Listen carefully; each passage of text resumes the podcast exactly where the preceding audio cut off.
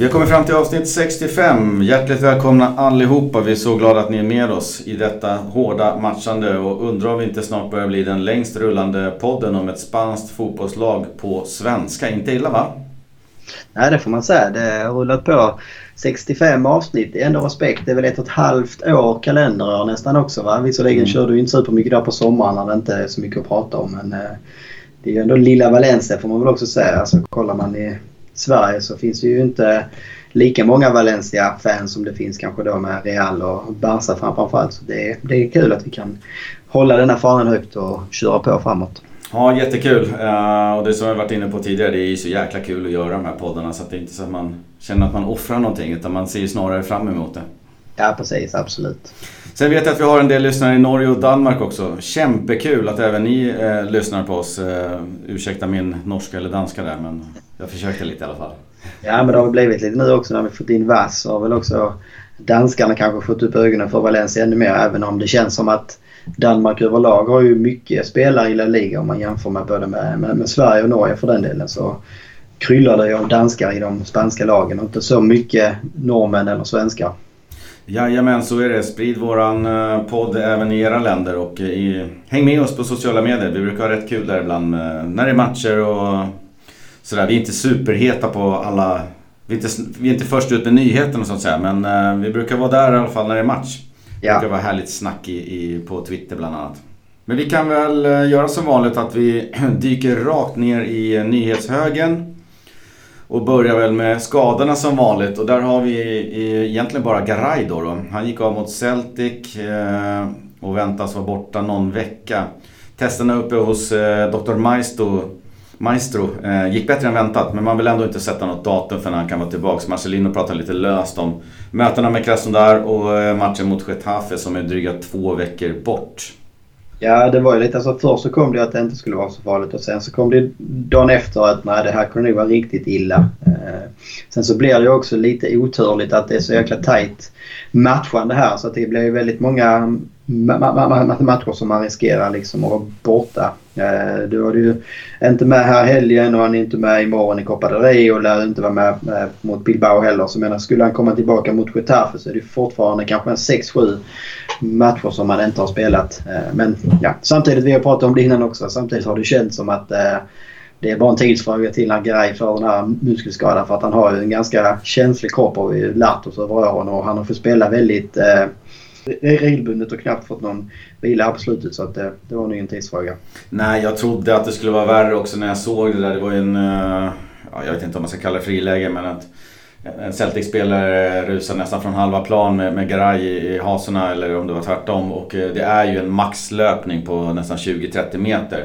Och när ja. han då liksom börjar ta sig för låret efter det så kände man att oj oj oj nu har han ju dragit någonting då. Ja, nej det kändes som att det kunde vara betydligt uh, värre än vad det nu förhoppningsvis då visar sig vara. Men det är väl lite ja, det luriga med de här muskelskadorna när det väl kommer det är ju också att det, det lätt liksom, man lätt slår upp dem igen. Eh, framförallt om man stressar tillbaka allt för, allt för snabbt. Så vi får hoppas att de har koll på det. Ja, det har varit tufft matchande nu när Gabriella var skadad och Diakabi har varit avstängd och, och sådär. Så det har varit riktigt, riktigt skönt att se Roncaglia studsa in i i hetluften direkt på ett riktigt bra sätt. Så att, eh, ja, vi har väl ganska gott ställt men Garay vill jag gärna ha tillbaks. Ja. Sen har vi väl Gallardo. Han åkte på ett par rejäla smällar. Det var väl åtminstone två stycken mot huvudet där varav den sista eh, troligen tog lite värre då mot Leganes. Han blev tvungen att kliva av efter att ha tappat synen och känt sig snurrig. Han eh, fortsatte efter smällarna men kände efter ett tag att nej men nu, det här funkar inte längre. Så att, han ska åtminstone nu vara fit for fight med i träning och säga att det inte är några problem. Eh, det var någon typ av fraktur på, eh, om det var något mindre ben i näsan där. Men han ska spela med en sån här mask som skyddar hela ansiktet. Eh, så han ska vara tillbaks. Ja, det är skönt. Den hade väl också något, några fina uttalanden här, om det var igår eller idag, att liksom det, det var liksom, skulle krävas väldigt mycket för att inte han skulle spela den här semifinalen mot Betis som också liksom är kanske en av de största matcherna för Valencia på många år. Gallas som då har varit med i A-truppen i många år också och inte varit så här nära en final någon gång. Och har ju varit en väldigt viktig spelare hela säsongen. Vill såklart vara med och påverka på, på planen. Och vi vet ju också att det är väldigt stor skillnad på, på Gaia och de andra alternativen som finns på vänsterbacksplatsen. Så det är ju väldigt välkommet att han kan spela. Nej, och senast när han klev av så hade vi inte ens Zlatan på bänken. Ja, då tog man väl en Diakabi och gjorde någon typ av rockad där ute. Ja. Ja, så vi får se. Han nämnde ju att han har varit med om några stora stunder med Valencia. Det var ju Basel-vändningen där och sen så var det Getafe-vändningen. Och såg väl framför sig förhoppningsvis ytterligare en, en sån där härlig kväll på Mestalla där man eh, tar sig till final i Copa del Rey. Ja, det, det hoppas vi alla.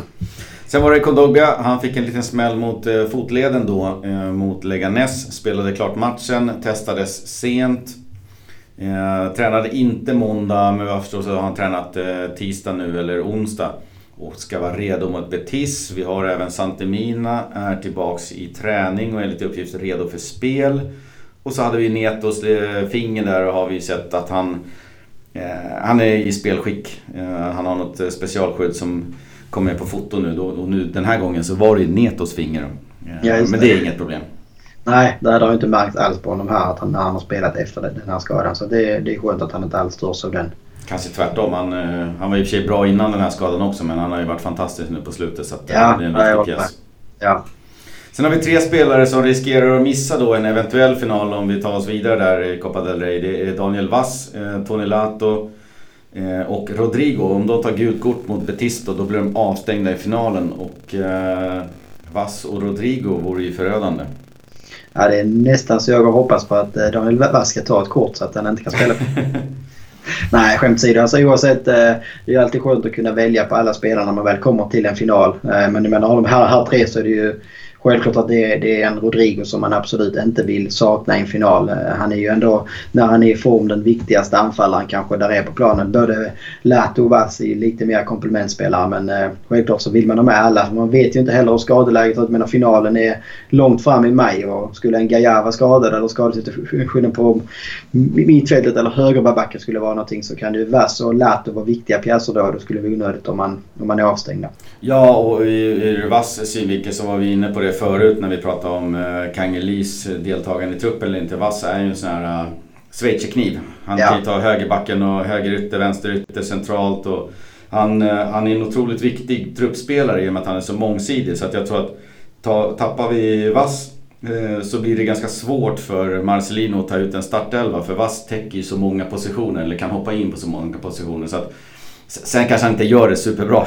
så jag håller med dig ur den aspekten. Han var lite lite svag på slutet här då. Eh, ja, men, men, det är ju en otroligt viktig spelare för Marcelino och det har han visat eh, match efter match hela, ja, året.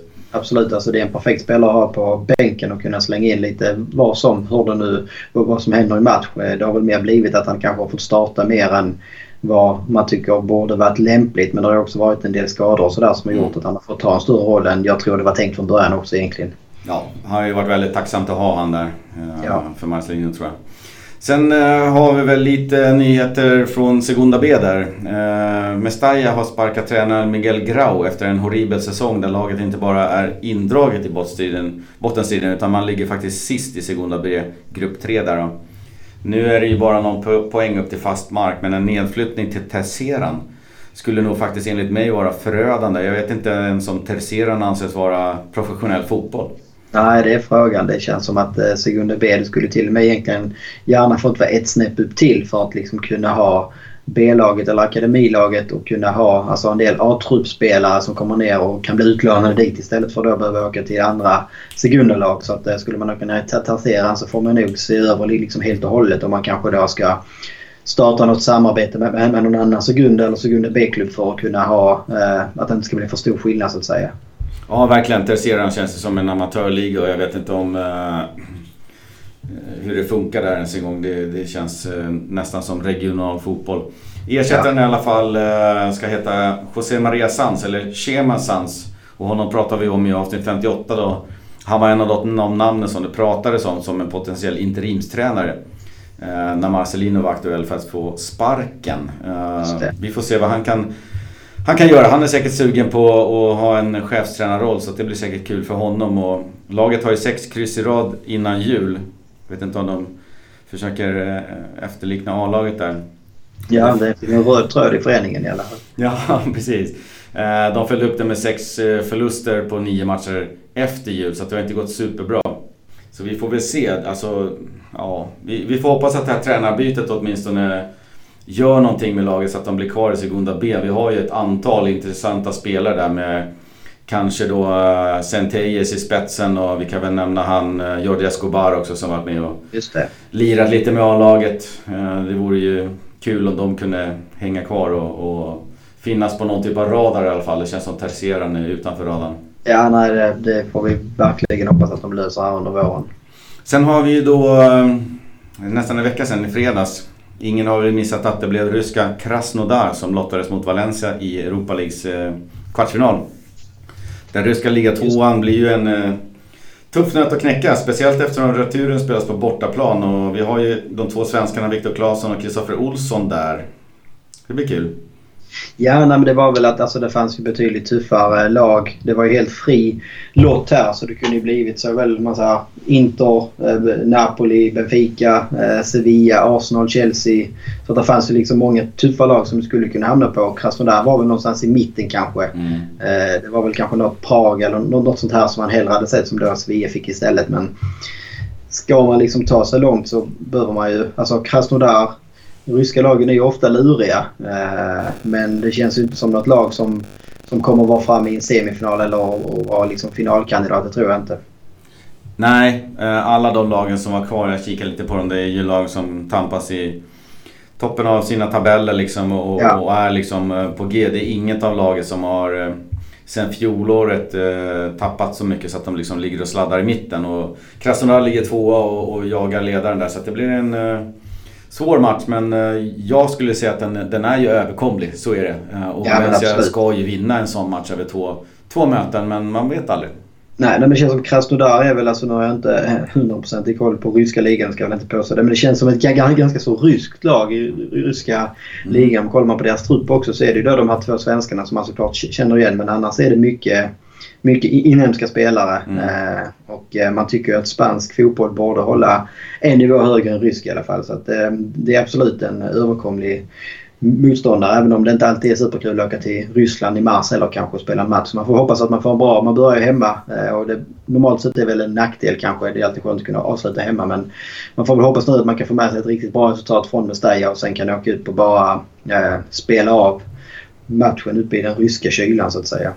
Ja, exakt. Uh, ska väl uh, säga att jag inte riktigt visste var Krasnodar låg.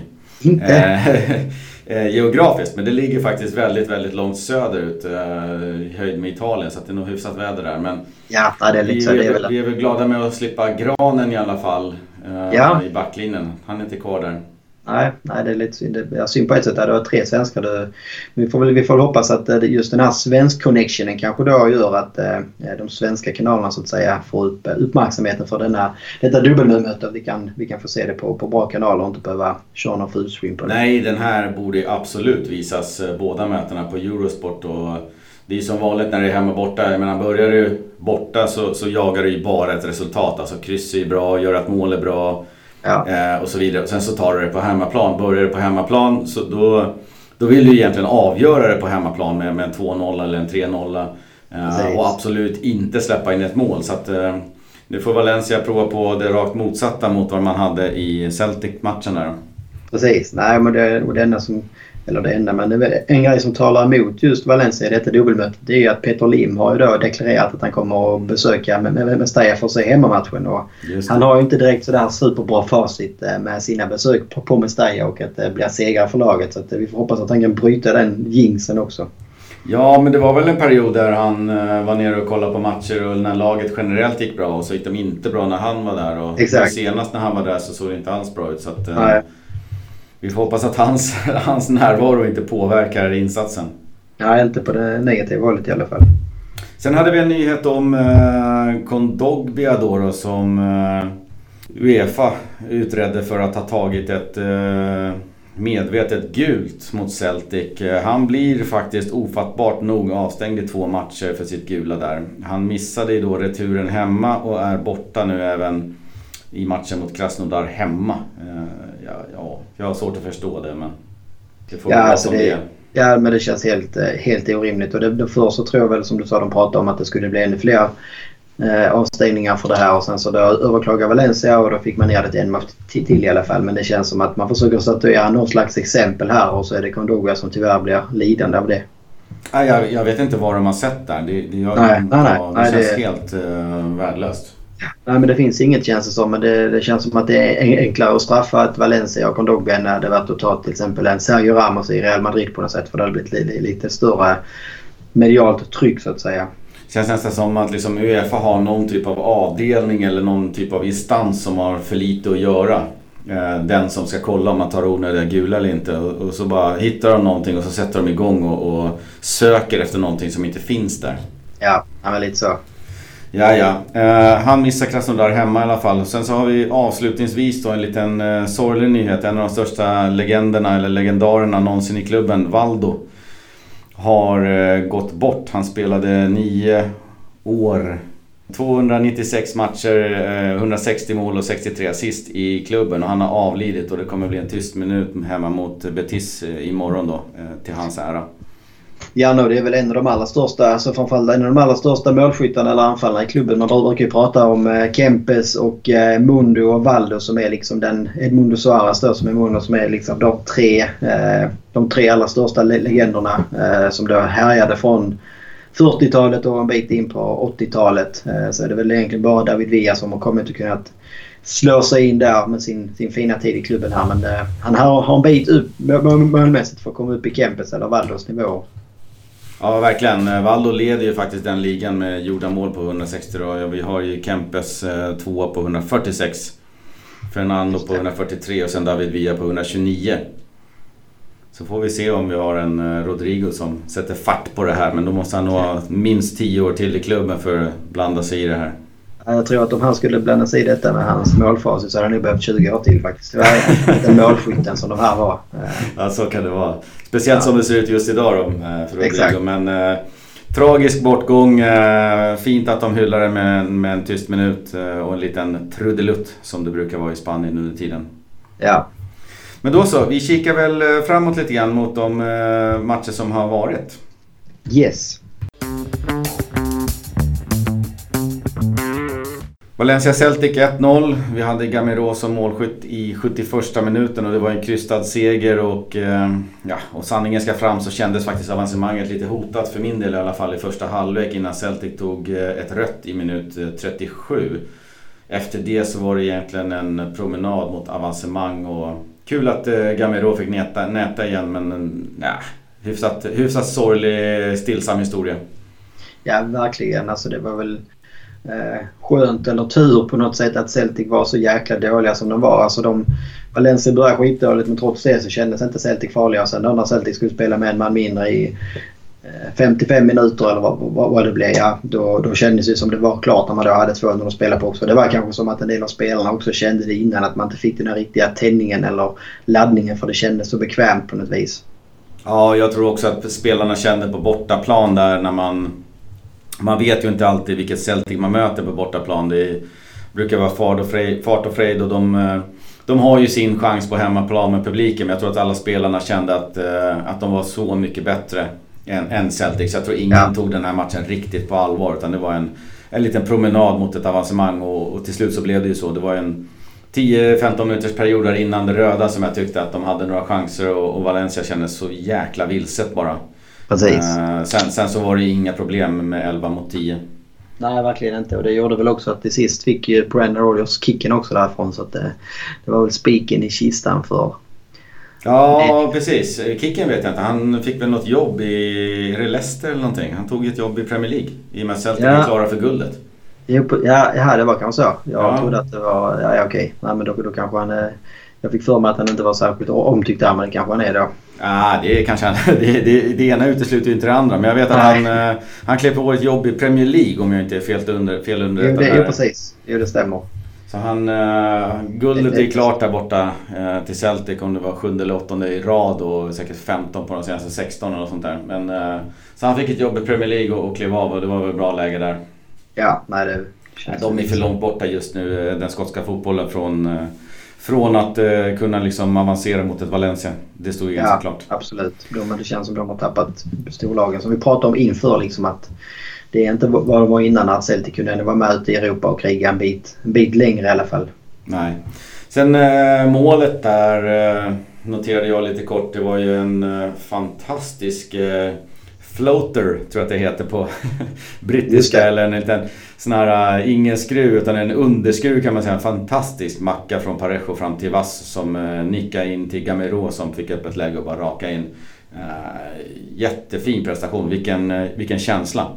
Ja, det var ett fint mål alltså hela vägen. Alltså, fantastisk passning och sen Bass då som, som gör det bra. Försöker inte gå på eget håll utan nickar snett, snett inåt bakåt och Gamero liksom dyker upp där, där han ska. Han hade nästan precis kommit in då också. Mm. Uh, så det, det, var ett fint spelmål och det var väl också fint för Mestalla-publiken så att säga att de fick, uh, fick fira ett mål och att man fick en seger. Och det är också, man ska komma ihåg, det är lite viktigt att också ta de här segrarna för jag vet att man får lite mer rankingpoäng och det är en del pengar i att ta, ta en seger jämfört med bara ett kryss även om det också skulle säkra avancemanget och mm. också rent liksom bygga en vinnarkultur i gruppen på något sätt. Framförallt den här säsongen kanske när man då gått och kryssat ja, 15 ligamatcher av 25 så tror jag inte man ska underskatta det här att man får vinna en match. Eh, även om det inte hade behövts nu så att säga. Nej, och, och själva grejen att liksom alla spelarna i Valencia ser ju också vilka andra lag som är med i den här turneringen. Eh, och känna att, eh, att man inte åker i en åttondel mot Celtic och så, och så går Napoli och, och, Inter och Chelsea, Arsenal och alla de här andra roliga lagen vidare. Utan nu känner man att nej, men nu är vi där också. Nu ska vi ta oss vidare ett steg till en eh, förhoppningsvis jäkligt het semifinal om, om vi går vidare mot Krasnodar. Så att, jag tror att spelarna och fansen i Valencia börjar bli ganska taggade för Europa League när det börjar dra ihop sig. Ja men det känns så. Alltså, det är väl en omgång till här som är lite sådär eh, kör med vänsterhanden framförallt nu också eftersom att man då är så här långt i, i, i Copa del Rey så är det mycket snack och fokus på det såklart. Eh, men så fort den semifinalen är avklarad och förhoppningsvis har man säkrat en final där då kan man ju också lägga mer krut och mer snack runt omkring på Europa League. Och skulle man ta sig liksom vidare här mot Krasnodar så är man ju framme i kvartsfinal och då så som lottningen blev också så blev det liksom inga av storlagen eller de här förväntade storlagen i alla fall som, som föll mot varandra. Så jag menar potentiellt i en kvartsfinal så skulle vi kunna ha Inter, Benfica, Sevilla, Arsenal, Villarreal eller Zenit då. Det är väl ganska öppet där kanske. Chelsea, Napoli, Valencia. Så det skulle, alltså, kvartsfinal i Europa League i år skulle kunna hålla Champions League-nivå skulle jag vilja säga. På många av de mötena som kan bli där. Ja, så är det såklart. Eh, det är ju åttondelsfinal nu och inte kvartsfinal som jag alldeles nyss insinuerade. Så, ja okej, ja, det missade jag. Ja, nej, jag menade på att de vinner mot Krasnodar som en semi, men det var ju fel. Utan det är en kvartsfinal som återstår. Men där är det ju ett getingbo då börjar det bli ja. riktigt härliga matcher. Jag menar dubbelmöte mot Inter eller Chelsea eller Arsenal. Det är ju fantastiska ja. matcher. Nej men det är det som är lite tudelat med Europa League nu kanske. Alltså, på ett sätt hade man kanske hoppats att eh, några av de här storlagen skulle ställas mot varandra i åttondelen så man skulle bli av med något. På andra sidan så kan man ju tycka att nej, men det är jäkligt häftigt för nu kan alla storlagen vara i kvartsfinal. Och det, det kan bli liksom från kvartsfinal och framåt kan det bli en jäkla häftig resa med många liksom eh, klassiska bataljer. Både liksom där Valencia förhoppningsvis kan ha liksom en fin stint och eh, få lite fjädrar i hatten och slutet. Arsenal med Marie kanske eller ett eh, Inter eller något sånt där. Eh, så det, det, det, det, kan bli en rolig vår. Alltså det känns som de närmaste ve veckorna här kan bli jäkligt avgörande för den här säsongen i slutändan ska komma sig ihåg. Och det, man får väl också hoppas att spelarna ser det så att man har, man har fortfarande ett jäkla bra läge att göra någonting bra den här säsongen fast det varit mest, egentligen mest negativt och, och liksom eh, ja, jag vet inte. Alltså det har, det har inte varit någon glimrande säsong fram till idag. Och ändå så står vi liksom 90 minuter från en final i Copa del Rey. Fortfarande bra häng på Champions League-platsen i ligan. Eh, och vi är kvar i Europa League. Så att det, alltså, det finns ju alla för förutsättningar om man gör en bra vår här att den här säsongen faktiskt kan bli historisk och bättre säsongen på, på 10-15 år liksom. Nej, och så är det ju. Alltså när, när man går in i en säsong och har kvalificerat sig för Champions League då är ju siktet inställt på just Champions League, ta sig vidare till, till utslagsmatcherna. Siktet är ju alltid inslaget, eller insiktat på, på La Liga. Nu har det inte riktigt gått bra i La Liga. Valencia åkte ur Champions League och då känns det som att ah, det känns lite visset och ruttet. Men å andra sidan så har det gått bra i de andra turneringarna som man kanske inte räknar med inför säsongen. Och det är ju Copa del Rey. Nu är det en match ifrån en final och så har vi Europa League som, som, eh, där vi har Krasnodar i en åttondel och, och bra chans att gå vidare. Så att det är ju, de två oväntade turneringarna har ju hittills i alla fall gått väldigt, väldigt bra. Eh, uh, Medan de som man då kanske hoppas mest på har det gått lite sämre. Så att uh, lite tudelat där. Det finns framgångar under den här säsongen också. Uh, men, men det man hoppades på innan har inte gått så bra.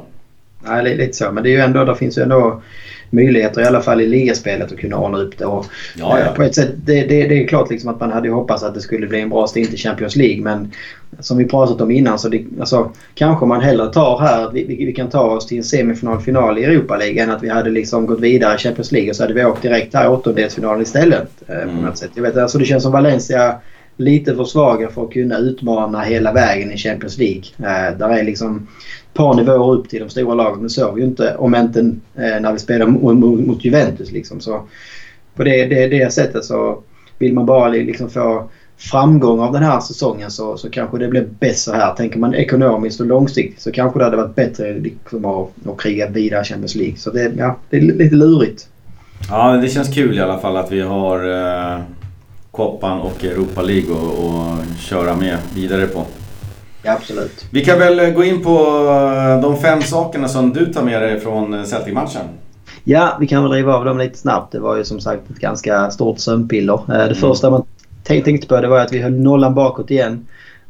Nu skriver vi ner det här direkt efter Celtic och då hade vi 396 minuter i sträck då utan insläppsmål. Och det, det defensiven var ju som, som det var varit innan väldigt solid. Det var det också mot ett svagt, svagt Celtic ska sägas. Ja verkligen. Eh. Det är ju jättekul att se. Det är ju den känslan vi har haft hela tiden att försvaret sitter jäkligt bra och där har ja. Garay haft en, eh, en stor del av det hela. Såklart. Ja, no, det kan vi ta det som punkt nummer två. Det var ju tråkigt att Garay blev skadad, som vi var inne på det innan. Eh, att det ändå kanske var lite väntat med tanke på hans skadehistorik och sådär. Eh, men eh, det, det kändes tungt precis när det hände och det kändes som du sa innan också som det kunde vara allvarligt. Nu förhoppningsvis är han tillbaka här inom två ve veckor i alla fall och kan vara spelskick igen inför avslutningen. Verkligen. Och Marcelino var inte nöjd? Nej, punkt nummer tre skrev jag det. Han var, han var inte nöjd eh, trots att det blev en seger och avancemang. Och det, det hedrar ändå honom på något sätt. Eh, mm. För att eh, resultatet är en sak och eh, prestationen är en annan och framförallt de första 35 minuterna var det ju katastrof. Sen blev det ju bättre men det, det hängde ju också ihop med att man liksom fick spela en man mer i 55 minuter. Eh, så jag tycker att eh, Marcelino hade all rätt i den kritiken och framförallt mot en del spelare som kanske då inte har varit ordinarie så mycket här sista tiden fick ju chansen nu och man tog inte chansen kändes det som. Så det, eh, Nej, jag, jag, förstår det och det är bra signaler också till, till truppen. Liksom att det, det håller inte att spela så här. Nu räckte det nu men det, Eh, skulle vi liksom eh, ställa upp eh, med den här inställningen mot ett Krasnodar eller någonting så kan ju det liksom vara förstört efter en halvtimme. Ja, jag håller med dig helt. Man måste alltid ändå se sanningen i vitögat och det var inte bra. Nej. Annars riskerar man ju att bli någon typ av Bagdad-Bob eller ja, ja, eh, Mourinho kanske. Eh, ja. Som bara pekar på resultatet. Vi gick vidare, vad gnäller ni på liksom? Här är ju Marcelino ute och, och, och, säger precis som det var. Det var en dålig insats. Spelarna kom inte upp i nivå, jag kräver mer liksom. Nu gick vi vidare ändå men, men, men det här är inte okej okay, och det tycker jag är ett eh, sundhetstecken. Absolut. Eh, punkt fyra hade jag att eh, Gonzalo Guedes tycker jag ändå han blir bättre och bättre. Men det är ganska tydligt att han är inte där än. Eh, han har en del kvar. Och, eh, nu, nu blev det på ett sätt en bra match för honom. Vi, vi hade hoppats att, att han inte skulle starta mot Celtic utan att han skulle starta mot eh, eh, Leganes istället. Nu blev det precis tvärtom vilket också i efterhand kanske var fel. Eh, men eh, det blev, det blev kanske en bra match för honom på det sättet att han fick ju väldigt mycket, mycket yta eh, och mycket boll och kunde liksom hela tiden testa sig fram. Men det märks ju tydligt att han gör fler felbeslut och tappar bollen på ett sätt som man inte riktigt mm. ser honom när han är i toppform. Så att han har en bit kvar till, till, till att vara liksom där. Men, men förhoppningsvis så kommer det också viktiga matcher framöver som det, där det liksom viktigare att han kliver fram och hittar formen än det kanske var att han hade gjort två mål mot Celtic. Nej, jag ser ju mycket eh, i, i uh, Gedes uh, bland annat viljan. Han har ju en sån enorm vilja ja, att, ja. att uh, förändra matchbilder och, och utnyttja sin speed och sådär. Men helheten, alla detaljer i spelet med, med touch, passning, inlägg, skott, samspel med, med med medspelarna. Det, det är inte riktigt där än och förhoppningsvis så var de här 90 minuterna och de träningarna som har följt efter Celtic-matchen att det, att det kan bli bra mot Betis nu för att jag utgår från att han spelar där. Ja, alltså bollplay. Och sista punkten då, femman. Sista punkten, Kangin Lee. Mestalla älskar honom. Man, man, man satt och skrek länge på att man ville ha in honom och när han äntligen fick komma in på slutet så var det ju kanske kvällens högsta vrål. Eh, och han är ju en publikfavorit. Alltså, jag tycker han kommer in och gör ett piggt inhopp och tar för sig eh, och liksom visar att det var ju lite snack om att, att han var besviken på mammas linje för att inte fått chansen. Vilket jag tycker att han har rätt till till viss del. Eh, men eh, visar ju det liksom på bästa sätt genom att ta chansen när han får den och jag hoppas han vi kommer få se mer av honom här för att han har han har mycket i sig och det känns liksom som en väldigt spännande spelare att följa framförallt och släppa in i slutet när motståndarna börjar bli lite trötta och han kommer in med pigga ben och otroligt fina fötter. Ja, så är det. Eh, jag vet inte om jag var inne på det tidigare i podden. Om jag var det så får jag be om ursäkt. Men jag vet att eh, BP fick frågan någon gång för tio år sedan. Och sånt där med, jag tror det var Albin Ekdal när eh, någon i TV-sporten frågade att ni har ju en juvel i, i den här spelaren. men han är inte riktigt redo för Allsvenskan. Hur ska ni liksom få honom, eh, ska, ska ni spela han eller inte? Och då, då sa tränaren, jag fattar inte din fråga. Alltså en spelare utvecklas av att spela. Det är fullständigt ja. självklart att han ska spela, annars utvecklas han inte. Nej. Och lite så är det med Kangin Lee. Jag menar, han, han får nog kanske i nuläget vara med och vara, med i truppen. Men han måste ju också spela på den här nivån för att känna på det här för att utvecklas. Annars gör han inte det. Nej, nej, det är ju det eh. som är problemet när man kommer fram i då lite större klubbar. Alltså BP har ju råd att göra det på något sätt. Men mm. Valencia och lite större klubbar har ju lite svårare att liksom ha den typen av tålamod i A-laget. Utan här blir det mer att få inhopp och få lite längre inhopp och få någon start då och då och sådär.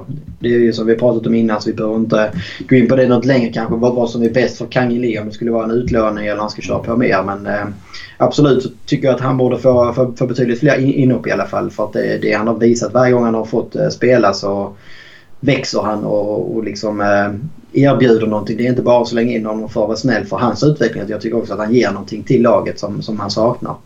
Ja, många, speciellt i Sverige så är jag inne på, jag menar Zlatan var ju för ung och för oerfaren tills han var 22. Ändå så levererade han i både Ajax och Juventus eh, innan det men i landslaget så var han hela tiden valpig tyckte människor. Och ja, man har ju den inställningen i Sverige. Jag menar, jag vet inte när Leo Messi nu är han ju exceptionell och sådär men jag vet inte om han klev in när han var 18 eller 19 och blev ordinarie i Barcelona. Enligt svenska ja. mått mätt så ska han ju vara alldeles för ung.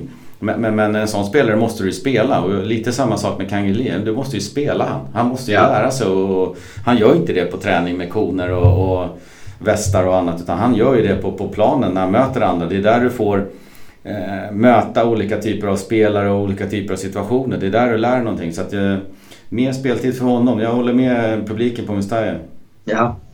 Då var vi väl eh, klara med den matchen och kika vidare mot eh, Leganes Valencia 1-1. Vi hade Kondobia i 22 minuten och dansken Breitveit i 89.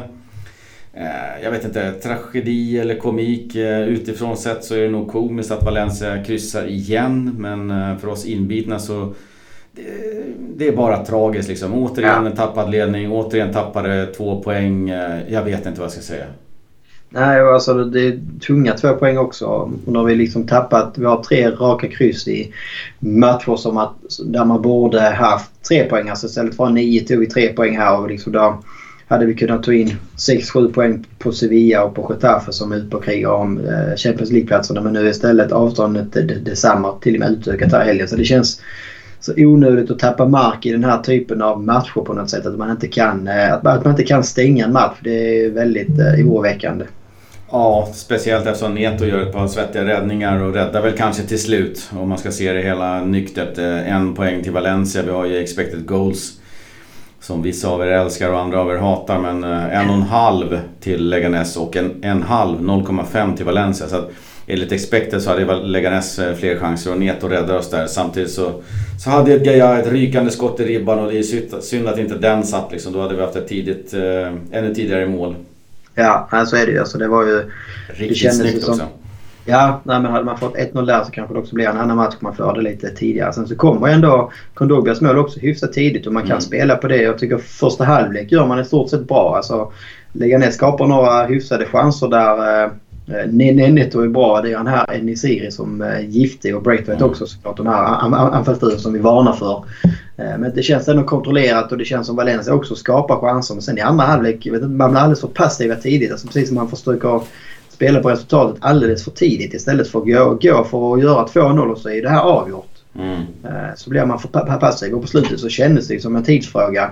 Även om det också var Ja, det blir ju uppenbart att Sobrino är ju en otroligt begränsad spelare för det är ju han som kastar bort två bra lägen där på slutet när man kommer i kontringslägen eh, och kan stänga till 2-0. Så ena gången gör han det bra och sen så ska han slå ett inlägg och den går liksom två meter för högt och rinner ut till inkast. Och andra gången får han ett perfekt inspel i straffområdet och ska dra den på en touch och det avslutet landar på översta bänkraden på något sätt. Så det, ja, det blir ganska tydligt att han inte riktigt är en anfallare för ett topplag i La Liga tyvärr. Och då kommer istället eh, efter slarv i backlinjen ett eh, kvitteringsmål i 89 och så eh, är vi tillbaka på hur det känns som.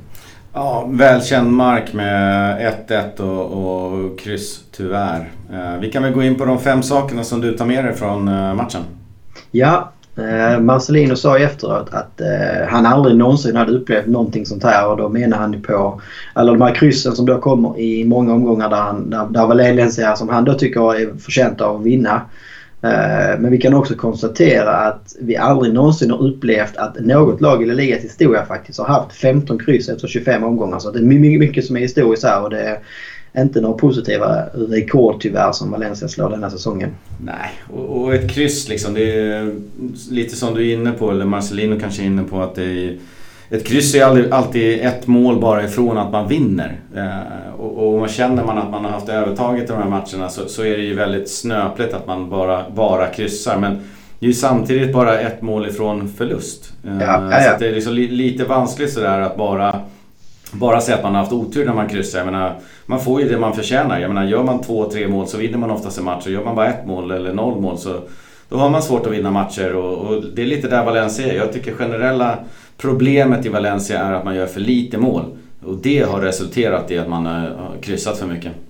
Ja, man börjar bli trött på det här snacket. Så det, är, det är precis som Marcelin menar att det är någon otur eller att det är liksom någon eh, förbannelse som ligger över. Och det, det, det kan du säga att man har otur eller inne liksom, man har lite stolpa ut ett tag i någon period. Men nu snackar vi liksom 25 omgångar in, 15 kryss. Alltså det, det är inte otur längre. Det är inga tillfälligheter. Utan det, det är bara att inse att Valencia är inte tillräckligt bra för att kunna stänga och vinna en match. Man är inte man är inte ett stabilt... Alltså det är det som är skillnaden mellan att vara topplag och vara där Valencia är 7-8. Att du är tillräckligt bra för att inte förlora så ofta men du är inte tillräckligt bra för att ta de här tre poängarna även de dagarna när du inte är 100%. Alltså det, det är så det känns den här säsongen för Valencias del. Ska man ta tre poäng så krävs det i stort sett en 110% insats. Eh, och det, det ska inte behövas med den truppen Valencia har. Och sen blir det lite märkligt här eftersom det är ju, det är ju Leganes som har ett eh, gyllene friläge efter kvitteringsmålet och göra 2-1 och Valencia skapar ingenting efter 1-1 målet. Så menar, det hade inte varit eh, någon, någon liksom, eh, något eh, tågrån om Leganes hade tagit tre poäng här utan de var ju i summa summarum, alltså målchansmässigt i alla fall, så var de närmare tre poäng än Valencia var. Ja, och det är bara att kolla på, vi har pratat mycket om Atletico Madrid. Jag menar de vinner jättemånga matcher med, med 1-0 och, och 2-1. De är också där kryssläge, likaläge och så vidare. En, ettmålsledning och så vidare. Men de knyter ihop säcken. Och det är ju det ja. Valencia har så svårt att göra. Knyta ihop den här säcken. Bara liksom ja, ta hem de här tre poängen. Det är det som topplagen gör. Alltså de känner att de är kanske inte på topp den här, här, här dagen när man behöver vila kraft. Men så får man ett 1-0 och sen så kan man bara, bara gå in och stänga. Bara döda en match. Men det är ju uppenbart att inte Valencia har den förmågan. Ja, så är det. Vi, vi kikar på punkt nummer två. Ja, denna här gången hade vi lite stolpe in med VAR. Eh, vi har ju klagat på det innan, framförallt den här Daniel Wastraffen som vi pratade om sist. Eh, mm. Nu var det ju lite märkligt att inte domaren kollade på Kondobias mål för att det var ju... Alltså visst... Eller, han kollar väl, eller de kollar väl på det ska man väl säga. Ja, jag vet inte. Eh, ja, VAR kollar ju på alla mål men de säger till domaren om han behöver gå till TVn eller om de kan ta beslutet själv. Ja, men i vilket fall så blev det ju aldrig någon riktig VAR-granskning i alla fall. Vilket mm. kändes lite märkligt eftersom att det var ju en tydlig knuff och även om backen faller lätt eh, så har vi sett många sådana mål bli bortdömda här på slutet. Vi hade bland annat ett Morata-mål mot Juventus där jag tyckte att den knuffen var ju betydligt mindre egentligen än Kondogbia. Så det målet dömde VAR bort. Så det, det är väl det som är lite trist med VAR. Men jag hade hoppats att med VAR så skulle det här lotteriet med mål och straffar försvinna på något sätt. Men det mm. känns ju fortfarande som att det, det finns kvar i alldeles för hög grad. Nej, så är det. Och det har ju varit mycket snack eh, kring eh, Toto Balutto-grabbarna i media och Wilbacher som är, jag vet inte, blygsamt för VAR har ju varit väldigt noga med att säga att det fortfarande är en persons eh, eller mänskliga bedömningar som ligger bakom det. Det är bara att man får ju mer bevis i och med TV-bilderna på VAR. Så man har ju en större möjlighet att ta ett korrekt beslut. Och jag håller med dig. Uh, Moratas mål bortdömt och, och det här godkänt. Uh, det känns som två precis likadana uh, incidenter och jag var helt säker på att det här inte skulle bli mål. Ja, det, kan, ja, ja. det kan jag garanterat säga. För när jag såg den på reprisen och tänkte att armarna är i ryggen. Snubben flyger framåt och, och ramlar. Hur kan det här bli mål? och så blir det mål. Ja, och det är så tydligt och öppet och domaren står så nära där. Så det är väl det som jag antar anledningen till att han inte vill kolla på VAR. För att han, han, han ska inte behöva se den på VAR för att han står ju liksom en halv meter, eller en halv meter, men han står två meter sidan om av fri sikt. Så han ser ju vad som händer men han tycker uppenbarligen då inte att det är tillräckligt. Och på ett sätt är det ju förfriskande att det liksom inte behöver vara i straffområdet. Ibland så är det ju väldigt, väldigt känsligt att alltid försvara när målvakt ska få frispark där. För det händer ju tuffare grejer än det vi såg här. Eh, och Kondogbia ja, ja. om någon är väl den som liksom har blivit straffad väldigt hårt av domarna på grund av hans fysik. Så får han ju ofta mycket mot sig som han kanske inte ska ha. Eh, men samtidigt så kan man ju bara känna att hade det här varit i andra straffområdet så hade man ju varit liksom skogstokig. Att inte ja. domaren dömer frispark där. Så är det. Vi låter VAR ha sin eh, stilla gång och, och se vad som händer i framtiden. Om det, om det blir mer stringent med, med bedömningarna. Jag tror att det, det, behöver trimmas in lite ytterligare. Jag är, jag är för mer bevis till domarna att de kan ta mer korrekta beslut och man slipper väl de här helt horribla besluten som det har varit ibland om vi kanske ska ta Henris mål mot uh, var det Irland eller Skottland där han tar med hands, ja. den hade ju försvunnit. Alltså, sånt blir det ju av med men sen är det ja. fortfarande bedömningar och sådär. Så att, uh, vi får se. Vi, vi fick en stolpe in här i alla fall. Ja. Så kan vi väl kika på punkt nummer tre.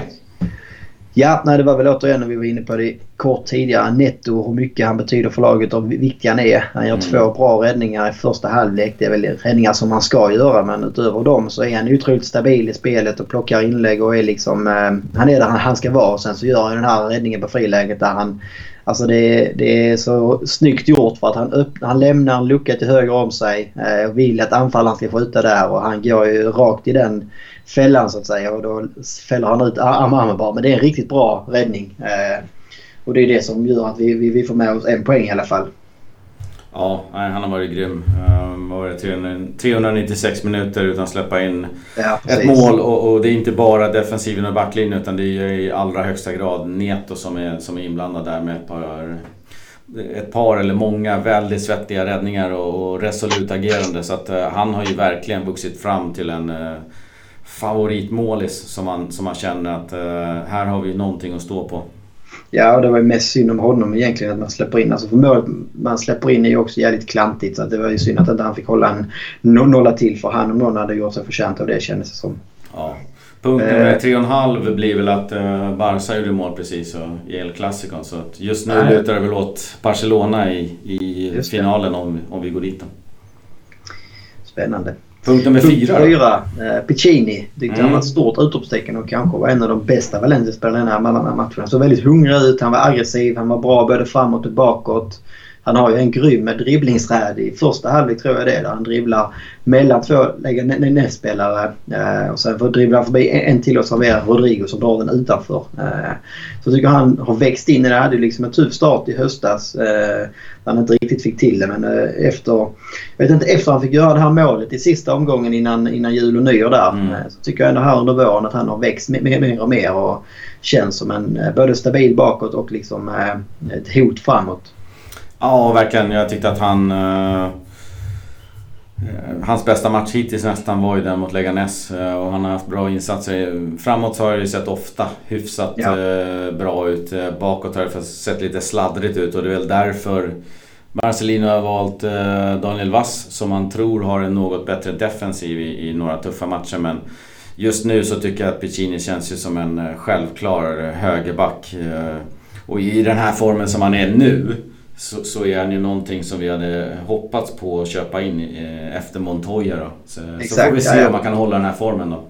Ja, nej, men det är ju det, han levererar nu som jag tror det var väl det som man också såg när man värvade honom och det som vi fans också hoppades på. Så det, det är skönt att eh, det verkar liksom till sist bli en bra värvning. Och det är väl också som vi har tjatat om tusen gånger att ibland så får man också ha lite tålamod med en nyförvärv. Att det är inte alla nyförvärv som klaffar 110% direkt utan en del behöver växa in i det, komma in hela livet runt omkring och hitta rätt i laget och allting. Och det verkar verkligen Pacino ha gjort nu så det är skönt. Ja, han känns lite vilsen sådär, lite rörig i skallen och kanske inte ja. helt säker på hur han ska agera i vissa lägen. Och det, nu, nu känns det som att allting är satt på plats och vi får hoppas att han, han kan bygga vidare på det och, och att liksom han tar det där steget till en ny nivå. För att han har ju varit eh, ganska tveksam eh, högerback. Eh, man hade hoppats på mer så att säga när man skickade Montoya som hade lite samma typer av kvaliteter med, med, med brister i försvaret. Så att man vill inte se en ny högerback som har samma brister och nu, nu verkar de vara hyfsat bortpolerade i alla fall. Ja, nej, det är skönt. Sista punkten då, är det Parejos eh, borttappade passningar eller Parejos eh, nej, den bra insatser? Det var varken eller höll på att säga. Att hans svit sprack. Han hade 21 raka starter här för Valencia. Eh, men nu fick han ju börja på bänken vilket var första gången tydligen under Marcelino som Parejo började på bänken i ligan. Han hade ju en, en eh, match i höstas eller två där han var helt utanför truppen men han har aldrig varit bänkad så att säga. Nej. Eh, han kom in på slutet när laget tappade sin ledning men han fick ju då välbehövlig vila kanske inför det som komma skall här framöver. Ja, det det var nog bra att Parejo fick lite vila. Eh, han har ju också varit i en riktigt, riktigt bra form. Även om det har varit lite halvdant här nu sista två, tre matcherna möjligtvis. Så, så är det var ju kul att han... Han behöver också vila. Han kan inte spela söndag, torsdag, söndag, torsdag i, i all evighet. Nej, nej så är det alltså, Det var ju som jag sa innan, nästan alla andra spelare har fått någon slags eh, rotationer medan han har fått spela nära på 90 också i de här 21 omgångarna. Så att, eh, det, det han har ju nått sin peak också genom att spela sådär mycket. Så han, ja. han har ju verkligen peakat. Men det gäller att hänga kvar på det där. Och jag menar Marcelino, de ser ju han på träning och de ser ju, analyserar han på match och med, med puls och mätningar. Så, så de vet ju liksom när en spelare börjar bli sliten. Och, och, det kändes ju även utifrån som att det var dags för, för ett byte på Parejo. Ja, nej, det var väl kanske mer... Man hade kanske förväntat sig det mer i, mot Celtic så att säga. Att mm. det var då man göra det. Sen kanske då låta honom starta åtminstone mot eh, Leganes och kanske då att kunna ta ut honom. Men eh, ja, det var en del i coachningen både innan och under matchen av Marcelino som man kanske skulle kunna ifrågasätta. Ja exakt, jag, jag skrev ner två bonuspunkter här. Ja. Eh, utöver dina fem. Och det var, den ena var ju märklig matchcoachning av Marcelino. Jag menar Gedes fick noll minuter i den här matchen och, och Sobrino fick 90 minuter det kändes som att det fanns andra typer av byten och andra typer av laguttagningar att göra här. Eh, nu hade ju Marcelino såklart eh, Betis-matchen eh, i kikaren och han visste ju att Leganes behöver vi liksom ta tre poäng mot och vi behöver göra det liksom med, med de medel som vi kan med Betis-matchen i åtanke. För att allting är ju inställt på Betis-matchen imorgon torsdag. Då ska Marcelino ha sitt bästa lag på benen. Men jag känner ändå, jag vet inte om jag skulle ha gett Sobrino 90 och Gedes 0 där. Nej, och samma Cherchev också fick 90 ute på sin mm. kant väl. Eh, där man också, som jag var inne på tidigare, hade hellre slängt in en Gedes på slutet för, för att gå för 2-0 när man hade 1-0. För att ha Gedes på rulle på kontringarna när Leganes var tvungna att öppna upp sig så som man gjorde. Istället för då att Sobrino som skulle sköta kontringarna som är ganska så stel och inte särskilt snabb. Mm. Eh, så tror jag det hade kunnat vara perfekt läge för honom faktiskt att döda detta. Så det var, nej, dålig coaching där och en del konstiga beslut kanske också i prioriteringen mellan Celtic och eh, den här ligamatchen där man verkligen då, som vi också pratade om, att Sevilla skulle möta ett Barca hemma där man då också kammade noll poäng. Så det fanns liksom ett ytterligt läge att gå för tre här och kunna ta in tre poäng på Sevilla men istället så blev det bara en poäng man tog in. Ja, verkligen. Celtic hemma liksom med 2-0 att gå på. Man kan till och med förlora eller kryssa den matchen. Eh, man kunde ställt upp ett annat manskap där. Eh, ja, Leganes ja. måste du ju vinna för att ta tre poäng. Liksom. Sen, uh, li, lite märkligt där. Och jag skrev ner den andra punkten som jag hade var väl att uh, Diakabis misstag då. Han har väl ett eller två stora misstag i varje match. De fortsätter. Han var ju både felplacerad och virrig, virrigt uppträdande vid baklängesmålet.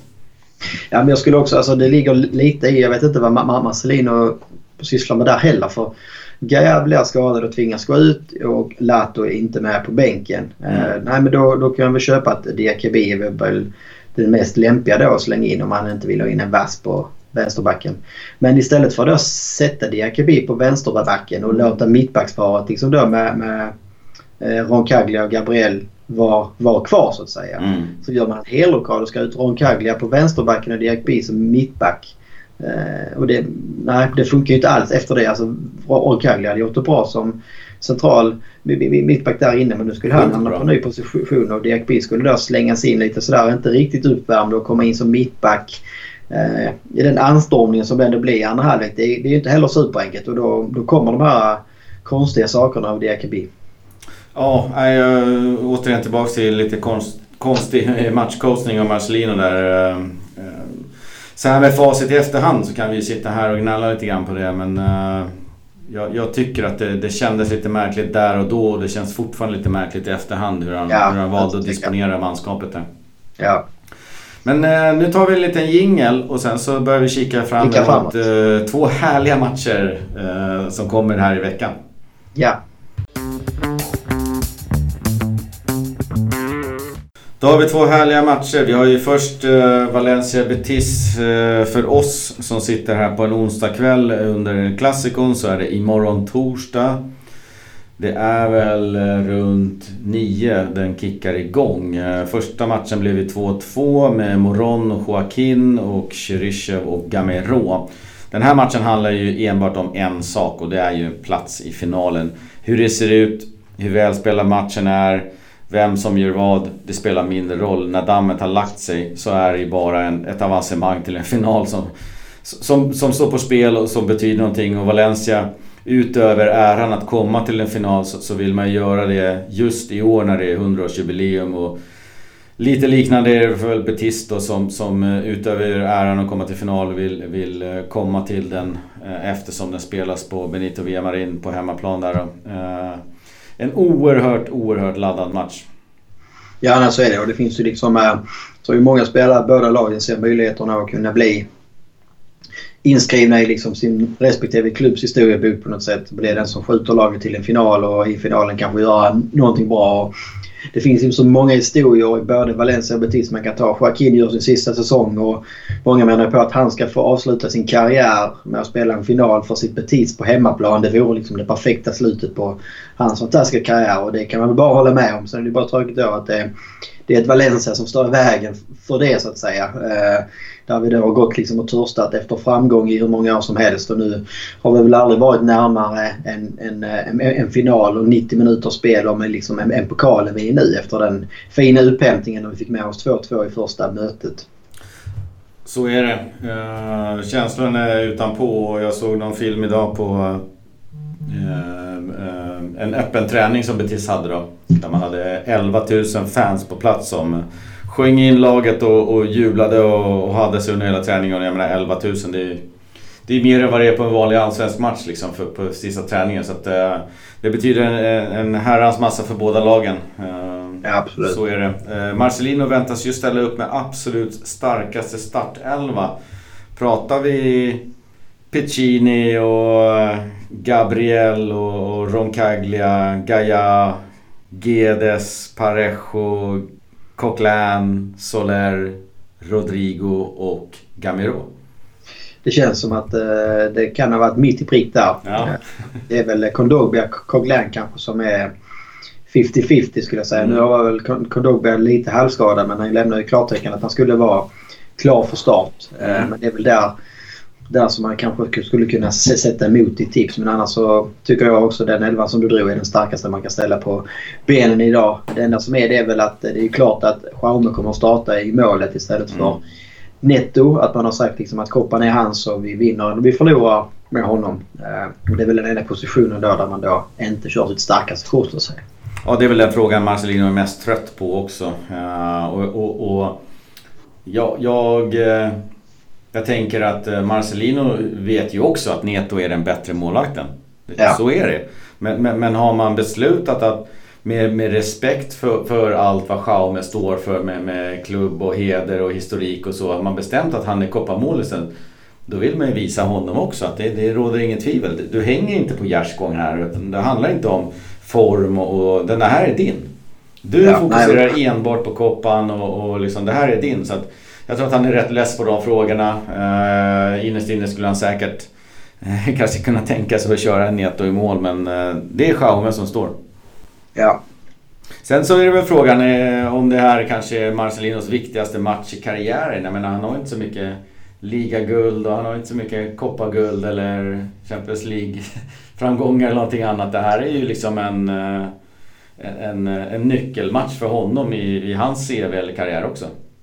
Jag håller med. Och samtidigt så är det också jag menar, hans chans på något sätt och eh, en gång för alla denna säsongen kanske ty ty tysta då den kritiken som varit under egentligen hela hösten och vintern och som då svalnat lite den sista tiden kanske när man fått lite ordning på sakerna. Men, eh, men det finns ju säkert många och jag kan väl villigt erkänna att jag är en av dem som liksom går och funderar på om Marcelino är rätt man efter den här säsongen. Då. Mm. Man funderar på hur, hur kommer man liksom komma ihåg hans tid i klubben den dagen han inte är kvar längre. Eh, och det här är ju ett sätt för honom att, att verkligen kunna skriva in sig som liksom en av de största tränarna. Man då, det, det, det, dessutom liksom i, i finalen kan, eh, kan greja en titel. Så, eh. Ja, första på, på 11 år också. Jag menar det är ju bara en sån grej. Men en titeltörstande klubb tänkte jag säga. Men det är Absolut. ju liksom... Eh, vore jättekul med, med, med både en titel och att Marcelino får vara med och ta den.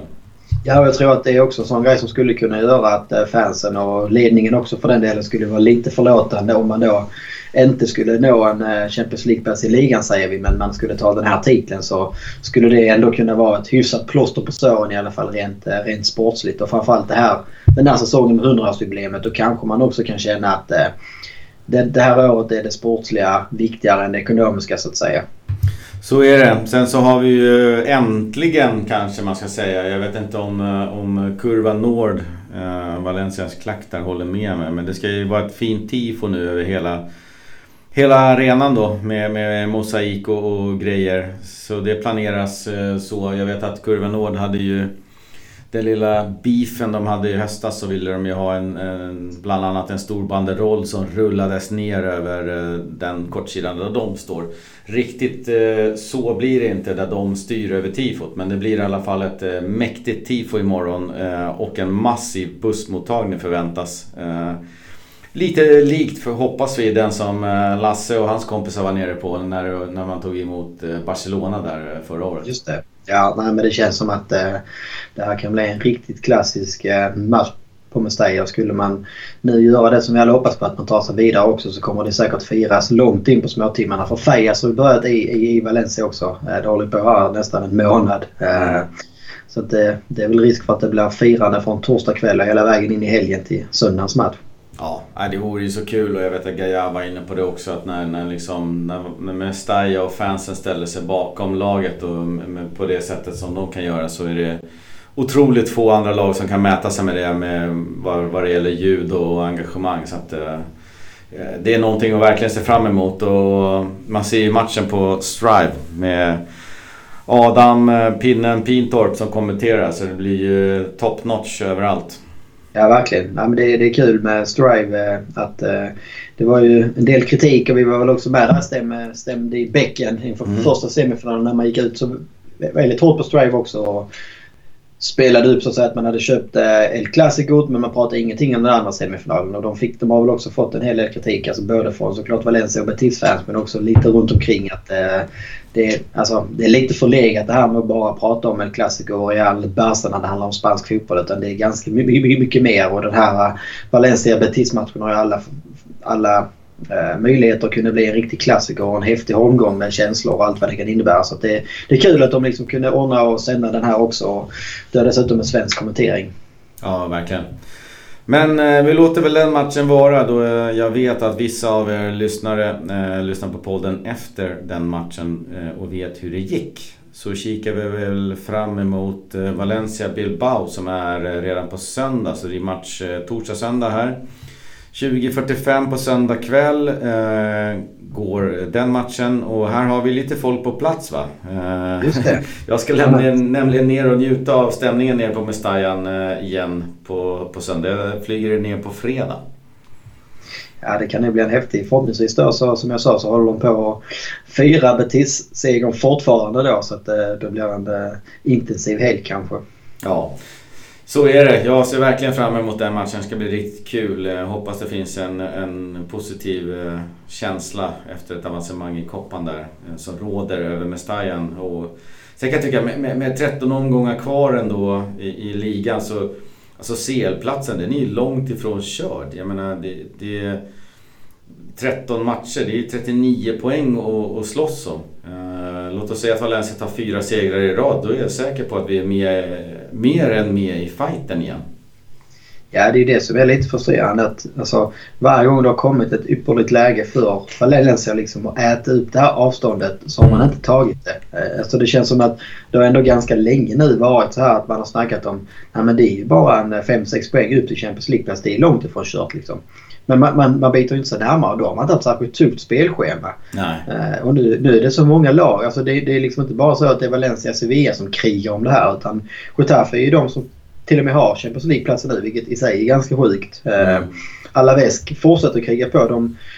man har ju liksom ändå trott att Alaves och Getafe skulle få det här Eh, Eh, ja, vad ska man säga, normala, eh, normala tillståndet igen på något sätt. Där man då skulle dala och kanske då kriga om en sjätte sjunde plats istället. Men de har ju tvärtom liksom hållit i det här. Och ingen av dem, om man då jämför med, med, med, med Sevilla och Valencia och Betis också för den delen som också är med och krigar där, har ju mer än ligan att alltså, tänka på. Valencia har en Copa del Rey semifinal där man vill ta sig vidare. Man har ett Europa League-spel som man ska kriga vidare. Sevilla har också Europa League och Betis har har då Copa. Så att det, ja, alltså, jag börjar mer och mer känna att den här äh, fjärdeplatsen i ligan, risken är liksom att äh, om, om vi nu ska fightas i Copa del Rey och vi vill ta oss ytterligare Europa League så, så kommer man inte ha energin och kraften att kunna kriga om det. Vilket i sig jag inte köper. Men Nej. jag tycker det är, det är tyvärr så som läget ser ut i år. Så är det. Vi möter ju också ett Bilbao som inledde årets säsong med en vinst. Men sen hade man 11 matcher i rad utan vinst. Eh, nu har man dock fått till en eh, hyfsad fart på skutan. Eh, krysset mot Barcelona för tre omgångar sen har följts upp med två vinster över Huesca och Eibar. Så det är ju ingen, ingen slagpåse man möter direkt utan Bilbao är alltid knepiga.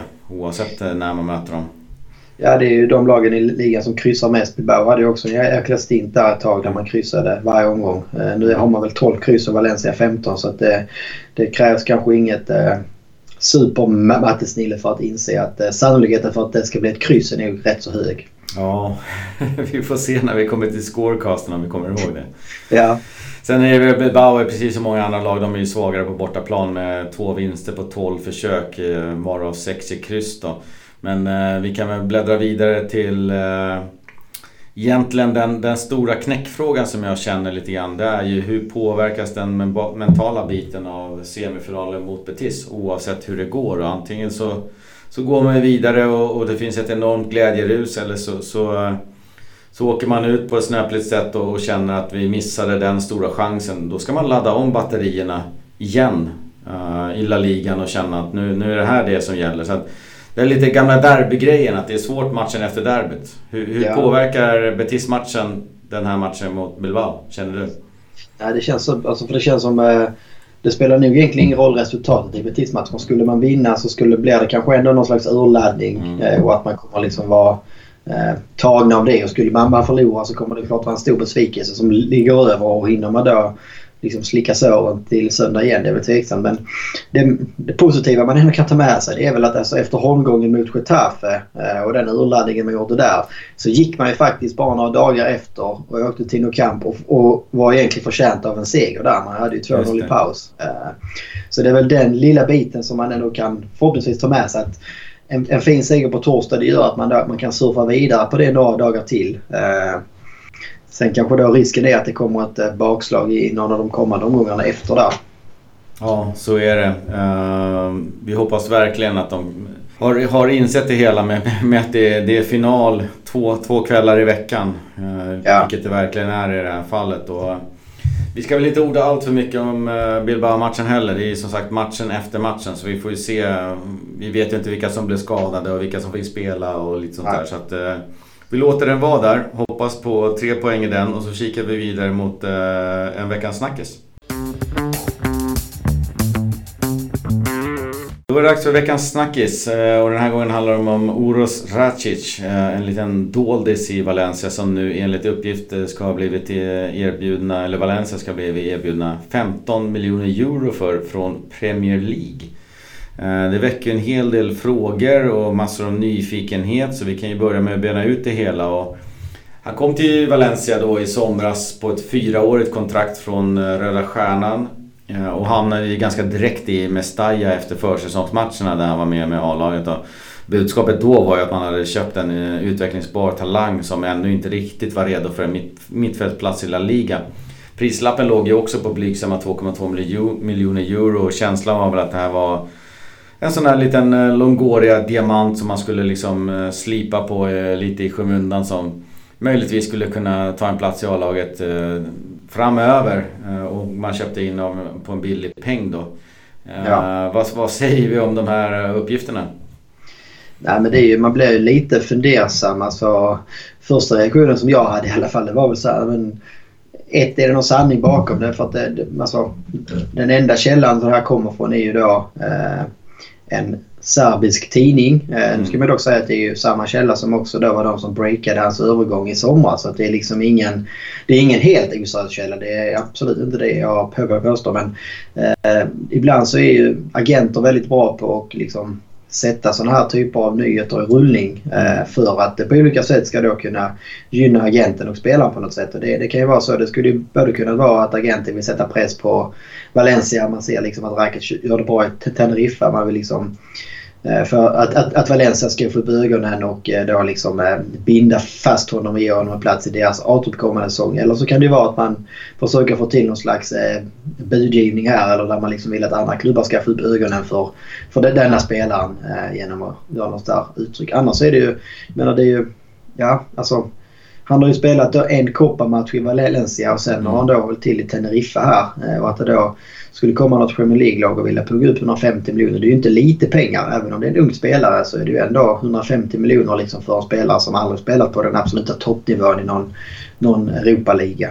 Nej, så är det. I Segunda där så tog han såklart en plats eh, i Teneriffa när han blev Eh, utlånad dit i december. Uh, han fick också spela i A-laget som du sa mot Ebro i Koppan. Och, uh, januari var väl då när han klev över till Segundan och där har han ju varit ordinarie på det centrala mittfältet. Han beskrevs ju som en lite yngre version av Nemanja Matic i sin spelstil. Alltså en, en lugn, trygg, säker defensiv eh, mittfältare som, som städar lite framför lite kreatörer eh, sådär. Eh, otroligt tilltalande enligt mig att ha en sån spelare.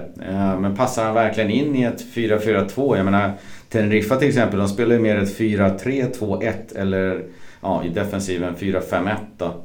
Och där finns det mer plats för en sån spelare. Ja, nej, men det är precis som du är inne på. Alltså, det är lite som vi snackat om nu flera gånger här.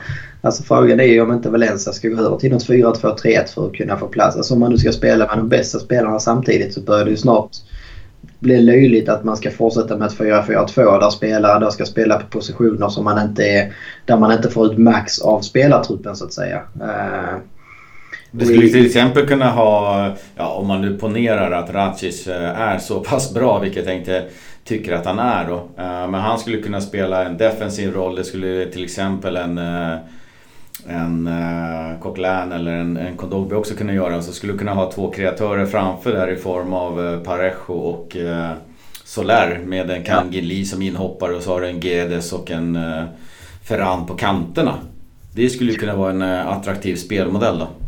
Ja, nej, men det, det känns som att uh, kollar man liksom på de spelartyperna som finns och framförallt de här yngre spelarna så är det ju Eh, Eh, alltså det är också när man kollar på anfallsuppsättningen att man ska fortsätta med, med två anfallare börjar kännas lite krystat kanske för att det är väl, det är väl liksom knappt ens att eh, Rodrigo levererar om man säger så. Eh, och ska du då liksom ha en, en Gamero som inte blir yngre. Han har gjort det bra på slutet men det känns som att han kanske är den optimala så här inhopparen eller liksom rotationsspelare och inte någon startanfallare som ska starta omgång efter omgång. Eh, men ja, ska vi hålla oss vid, vid Rakic så är det ju alltså precis som du är inne på. Så, alltså, det går ju att se det här på två sätt. Antingen ser man det bara rent ekonomiskt och då är det liksom en perfekt affär på mindre än 12 månader så gör man ju då en jäkla bra vinst på den, denna spelaren. Mm. Eh, ser man det fotbollsmässigt så kan man börja fundera då om det finns en Premier League-klubb som tycker att hans värde då har Eh, ja, vad blir det, 6-7 dubblats på, på liksom mindre än ett år. Så ser ju de nå någonting i honom som eh, Valencia då kanske också borde börja analysera själva och, och, och se efter på något vis. Eh, och man för, jag får ju i alla fall lite sådana här Isco-vibbar eh, som man då skeppade iväg för 6 miljoner till Malaga för man tyckte att han eh, inte hade någon potential. Eh, och ja, resten är ju historia. Ja, precis så kan det ju vara. Att man ser just den här utvecklingspotentialen och möjligtvis det affärsmässiga. Jag har ju svårt att se att Ratchis platsar i ett Premier League nu. Eh, man kanske tänker köpa för 15 och sälja för 25 då. då men vad, vad, vad, kan, vad kan tänkas liksom, vad kan en Premier League-klubb tänkas se i den här Segunda-spelaren? Är det Nuno Wolves som är på gång igen eller? Känns inte omöjligt. Men det känns väl också som att det är liksom någon som... Eh, för menar 15 miljoner är kanske inte ett högt belopp med Premier League-mått mätt om man säger så. Mm. Uh, ja, det är ingen prestigevärvning för 15 miljoner.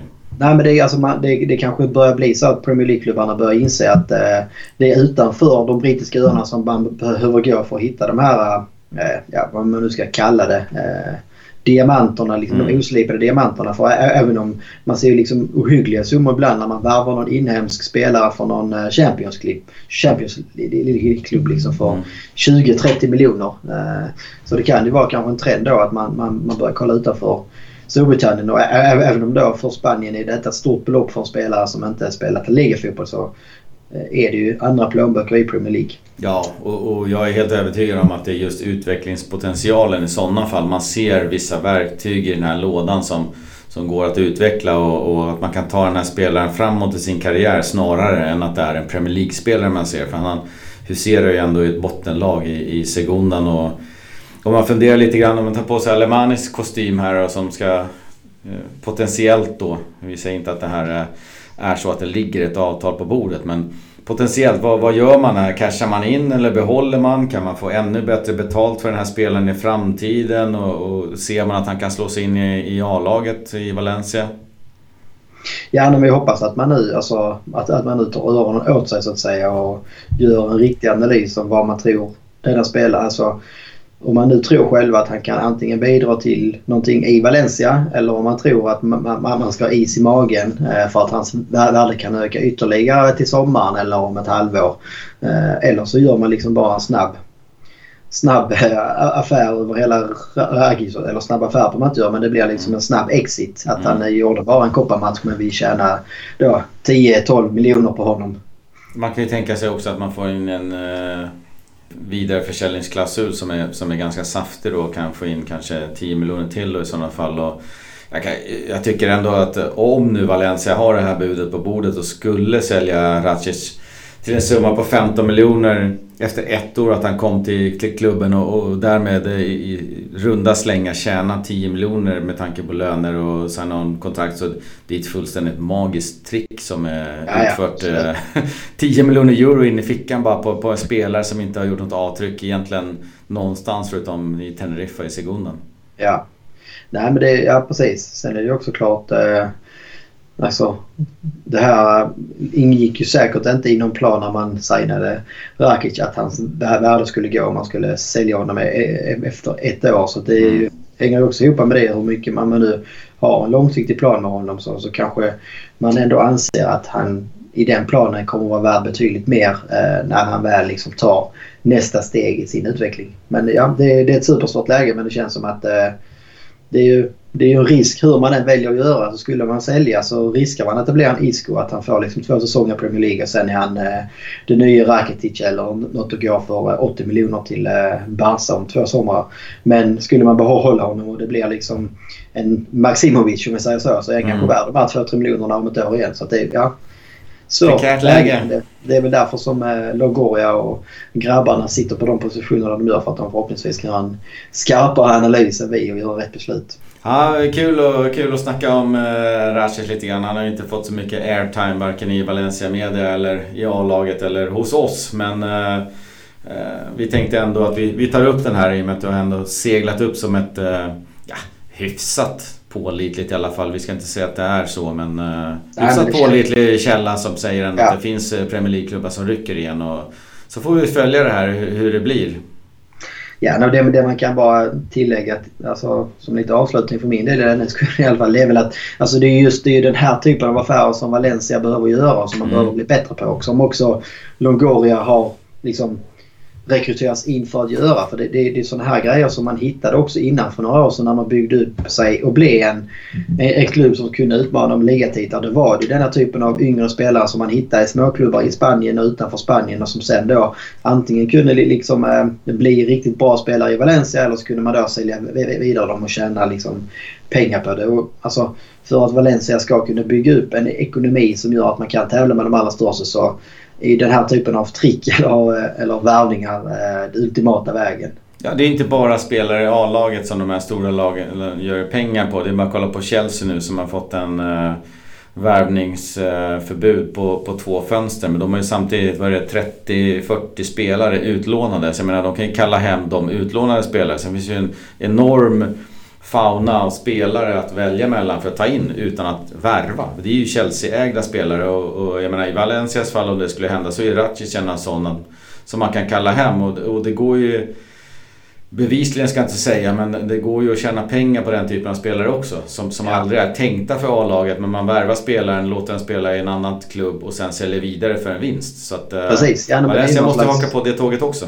Ja, nej, men det är ju en affärsmodell som man kan ha liksom sidan av det rent fotbollsmässiga på planen. Och, eh, det är väl därför också som vi ser fler av de här värvningarna. Alltså vi har gjort en hel del i vinterfönstret här eh, och det kan vi, när du är inne på det så kan man väl också kort benämna det. Eh, det är att det börjar, det börjar florera ett litet rykte även om det än så länge är väldigt tyst och obekräftat att eh, vi har varit inne på det här att de här värvningarna i vinter tyder på att man har en annan slags värvningsstrategi framåt Valencia. Eh, och vi har väl först varit inne mer på att eh, det, det kanske handlar om att man, man förbereder sig för någon slags plan B till sommaren där det då handlar om Champions League-spel eller inte Champions League-spel och då en mindre budget. Men det lilla ryktet som nu har börjat, eh, eller vad man nu ska kalla det. Det är ju, det är ju, det är ju snarare att Valencia befarar att man själva har en transferban som väntar runt hörnet. Mm.